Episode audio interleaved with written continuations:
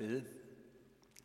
Herre Jesus Kristus, vi takker og priser dig, for at du var villig til at lade dig ophøje på denne vanvittige façon på korset for at frelse os.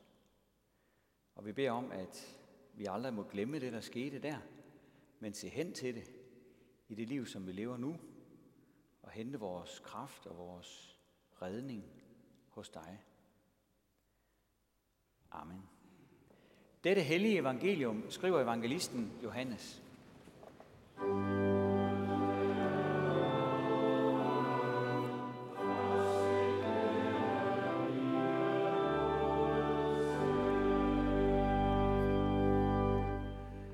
Der var et menneske, en af farisæerne ved navn Nikodemus, medlem af jødernes råd. Han kom til Jesus om natten og sagde til ham, Rabbi, vi ved, at du er en lærer, der er kommet fra Gud, for ingen kan gøre de tegn, du gør, uden at Gud er med ham. Jesus svarede ham, Sandelig, sandelig siger jeg dig, den, der ikke bliver født på ny, kan ikke se Guds rige. Nikodemus sagde til ham, Hvordan kan et menneske fødes, når det er gammelt? Det kan da ikke for anden gang komme ind i sin mors liv og fødes. Jesus svarede, Sandelig, sandelig siger jeg dig, den, der ikke bliver født af vand og ånd, kan ikke komme ind i Guds rige. Det, der er født af kødet, er kød, og det, der er født af ånden, er ånd. Du skal ikke undre dig over, at jeg sagde til dig, at I må fødes på ny. Vinden blæser, hvorhen den vil, og du hører den suse, men du ved ikke, hvor den kommer fra, og hvor den farer hen. Sådan er det med enhver, som er født af ånden. Nikodemus spurgte ham, hvordan kan det gå til? Jesus svarede, du er lærer i Israel og forstår ikke det. Sandelig, sandelig siger jeg dig, at vi taler om det, vi ved, og vi vidner om det, vi har set. Men I tager ikke imod vores vidnesbyrd. Tror I ikke, når jeg har talt til jer om det jordiske? Hvordan skal I så tro, når jeg taler til jer om det himmelske? Ingen er steget op til himlen, undtagen den, der er steget ned fra himlen, menneskesønnen. Og ligesom Moses ophøjede slangen i ørkenen, sådan skal menneskesønnen ophøjes, for at enhver, som tror, skal have evigt liv i ham. Amen.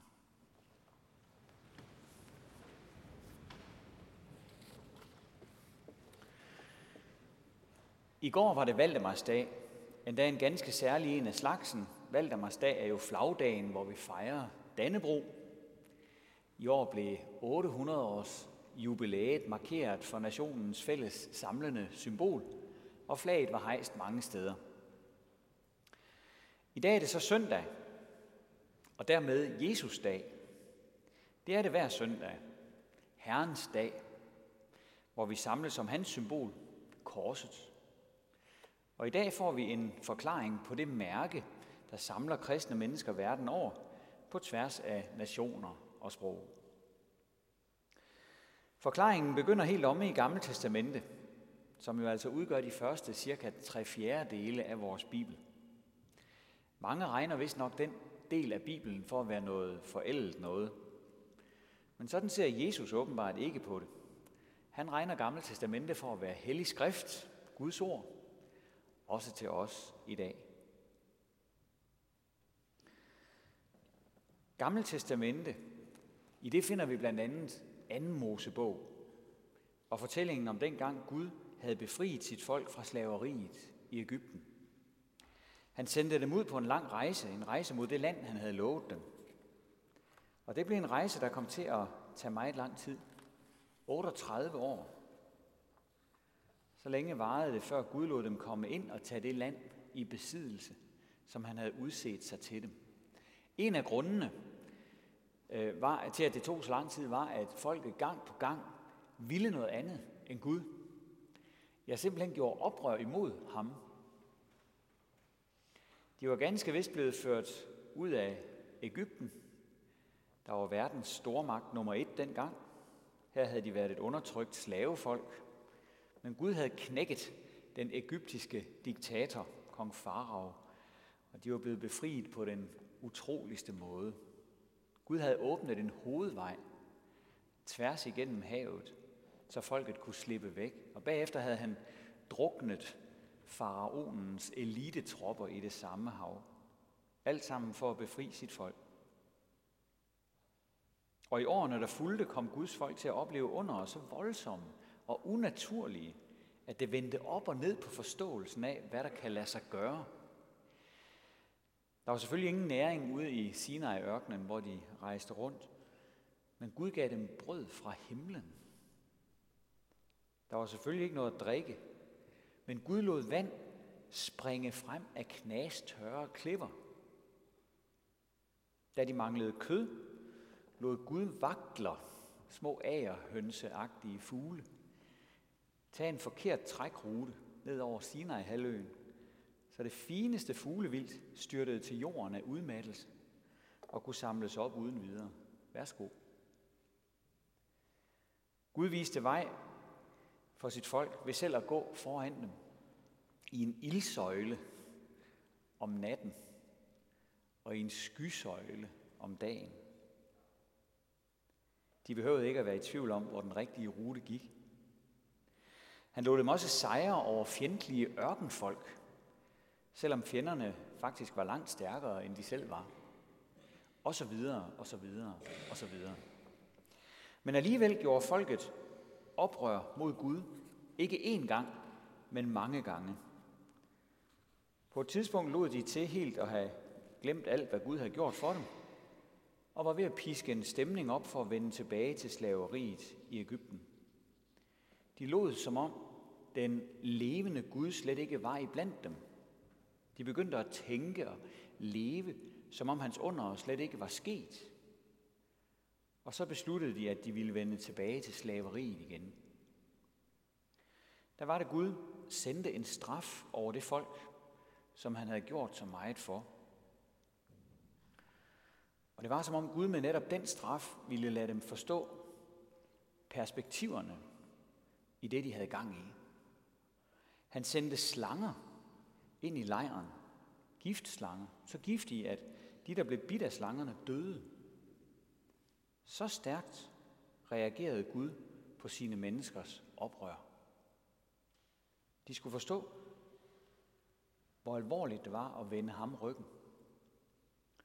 De skulle indse, at her var det den gamle slange, djævlen, der var på færre. Det var hans slangegift, som de var inficeret af. Vi hører altså, at Gud reagerer meget stærkt øh, på, at hans menneske vender sig fra ham. Her er vi milevidt fra overtroen om Gud som sådan en slags julemand, der sidder på en sky og nikker og smiler og er tilfreds, bare han bliver nævnt af høflighed ved særlige lejligheder. Bibelens Gud, den Gud vi læser om i vores Bibel, er meget anderledes end denne her fordom. Bibelens Gud skildres som faderen, der er i oprør over, at hans elskede børn vælger ham fra.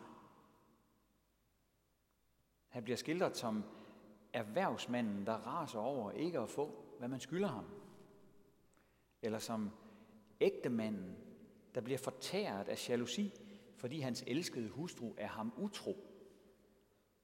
Så meget betyder du og jeg for Gud.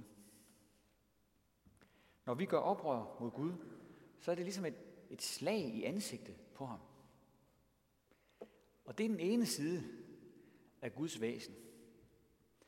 Men som alle andre virkelige personer, har Gud flere sider. Samtidig med, at han kræver retfærdighed og lydighed, så er han også fuld af kærlighed til os mennesker. Selvom vi gang på gang har vendt os bort fra ham og ligefrem vist ham foragt. Og hans kærlighed kom også til udtryk i forbindelse med slangeangrebet. Gud sagde, lav en slange og sæt den på en stang. En hver, der er blevet bidt og som ser på den, skal beholde livet. Så lavede Moses en kov og slange og satte den på en stang. Hvis nogen så blev bidt af en slange og rettede sit blik mod koverslangen, beholdt han livet. Her ser vi, hvordan Gud redder mennesker ved at stille et mærkeligt og provokerende tegn op foran dem. En slange på en stang. Prøv lige at tænke, de er blevet bidt af slanger. Og så tilbyder han dem at blive reddet ved at se på en slange. Her gør Gud to ting. Gud præciserer for det første, hvor alvorlig situationen er. Han kalder en spade for en spade. Det her tegn, slangen på stangen, siger, det er slangegiften i jer, der er problemet. Det er hans besked til os. Det er slangegiften. Og så for det andet, der præciserer han, hvor dyb hans omsorg er for de samme mennesker. Selv når mennesker har gjort oprør og hånet ham lige op i hans åbne ansigt, så har han en plan for, hvordan vi skal blive reddet.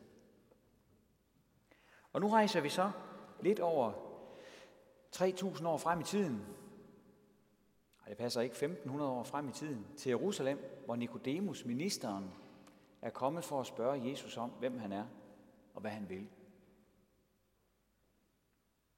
Jesus siger, ligesom Moses ophøjede slangen i ørkenen, sådan skal menneskesønnen ophøjes, for at enhver, som tror, skal have evigt liv i ham. For således elskede Gud verden, at han gav sin indborne søn, for at enhver, som tror på ham, ikke skal fortabes, men have evigt liv. Så koverslangen den forklarer altså, hvorfor Jesus er kommet her til verden. Han er kommet til verden for at blive hejst op på korset. På den måde skulle han blive det nye samlingspunkt. Guds nye koverslange for menneskene. Guds redningsaktion. Vi har vendt os hver sin vej, men Gud vil have os til at vende os om imod Jesus på korset. Og se på ham. Som den, der kan samle os og skabe Gud et nyt folk på jorden. Det er jo baggrunden for, at vi har et kors i vores dannebrugsflag. Kors på kirketårnet, kors i halskæden osv. Korset er det kristne symbol frem for alle andre. For ved Golgatas kors er vi nemlig helt inde ved kernen. Med dette mærkelige og provokerende symbol, som Gud stiller lige midt i verden, der præciserer han igen to ting. For det første, hvor alvorligt han ser på synden, Jesus på korset, viser, hvad det er, vi hver især skylder Gud. Det skylder vi Gud, fordi oprøret imod ham ruller i årene på os. Vi er hver især skyldige til kors og undergang. Og for det andet så understreger Kristus som koverslange Guds omsorg, Guds kærlighed til os. Det er jo ikke os, han offrer, men Jesus i stedet for os. Gud offrer sin egen eneste søn på korset. Det var den eneste udvej, hvis ikke du og jeg skulle gå evigt fortabt. Hvis ikke Gud skulle miste sit folk her i verden. Da Jesus blev koverslangen for os, der betalte han for vores oprør imod Gud. Klynget op på en stang for din og min skyld. På den måde blev han Guds redningskrans til os. Thomas har lavet en dejlig sang, som vi skal høre nu efter prædikenen som musikalsk tilbedelse i dag. Og her lyder det, Nu hvor jeg har set, er Guds vilje sket. Dødens kraft forlod min krop, da jeg løftede blikket op. En kristen er ikke et menneske, der er bedre end andre. En kristen er ikke et menneske, der er klogere end andre. En kristen er ikke et menneske, der er mere religiøst anlagt end andre. En kristen er en, der har hørt Guds instruktion og fulgt den og har løftet blikket op til Jesus på korset. For sådan er Guds sikkerhedsinstruktion. Skal man ud og flyve eller sejle med en færge, så får man instruktioner om, hvordan man skal forholde sig i farlige situationer. På rejsen gennem livet lyder der også en sikkerhedsinstruktion verden over. Det er den instruktion, Gud har sat os til at råbe ud til mennesker. Se på korset og få evigt liv. Se på koverslangen Jesus og blive reddet fra at gå fortabt. Fokuser på ham. Så har du livet. Så skåner Gud dig. Selvom du er bit af at gøre oprør mod ham, selvom du er bit af slaveriet under de døde værdier, så skåner Gud dig. Han redder dig. For Gud har rejst korset midt i verden som vores redning. Se på Jesus, så ser du ham, der har taget slangens hug for dig. Ham, som dør døden for dig. Og så går du selv fri. Så enkelt er det. På en gang så stærkt, og så enkelt. Og så må der alligevel ske et under med os, før vi kan se Jesus som vores frelser.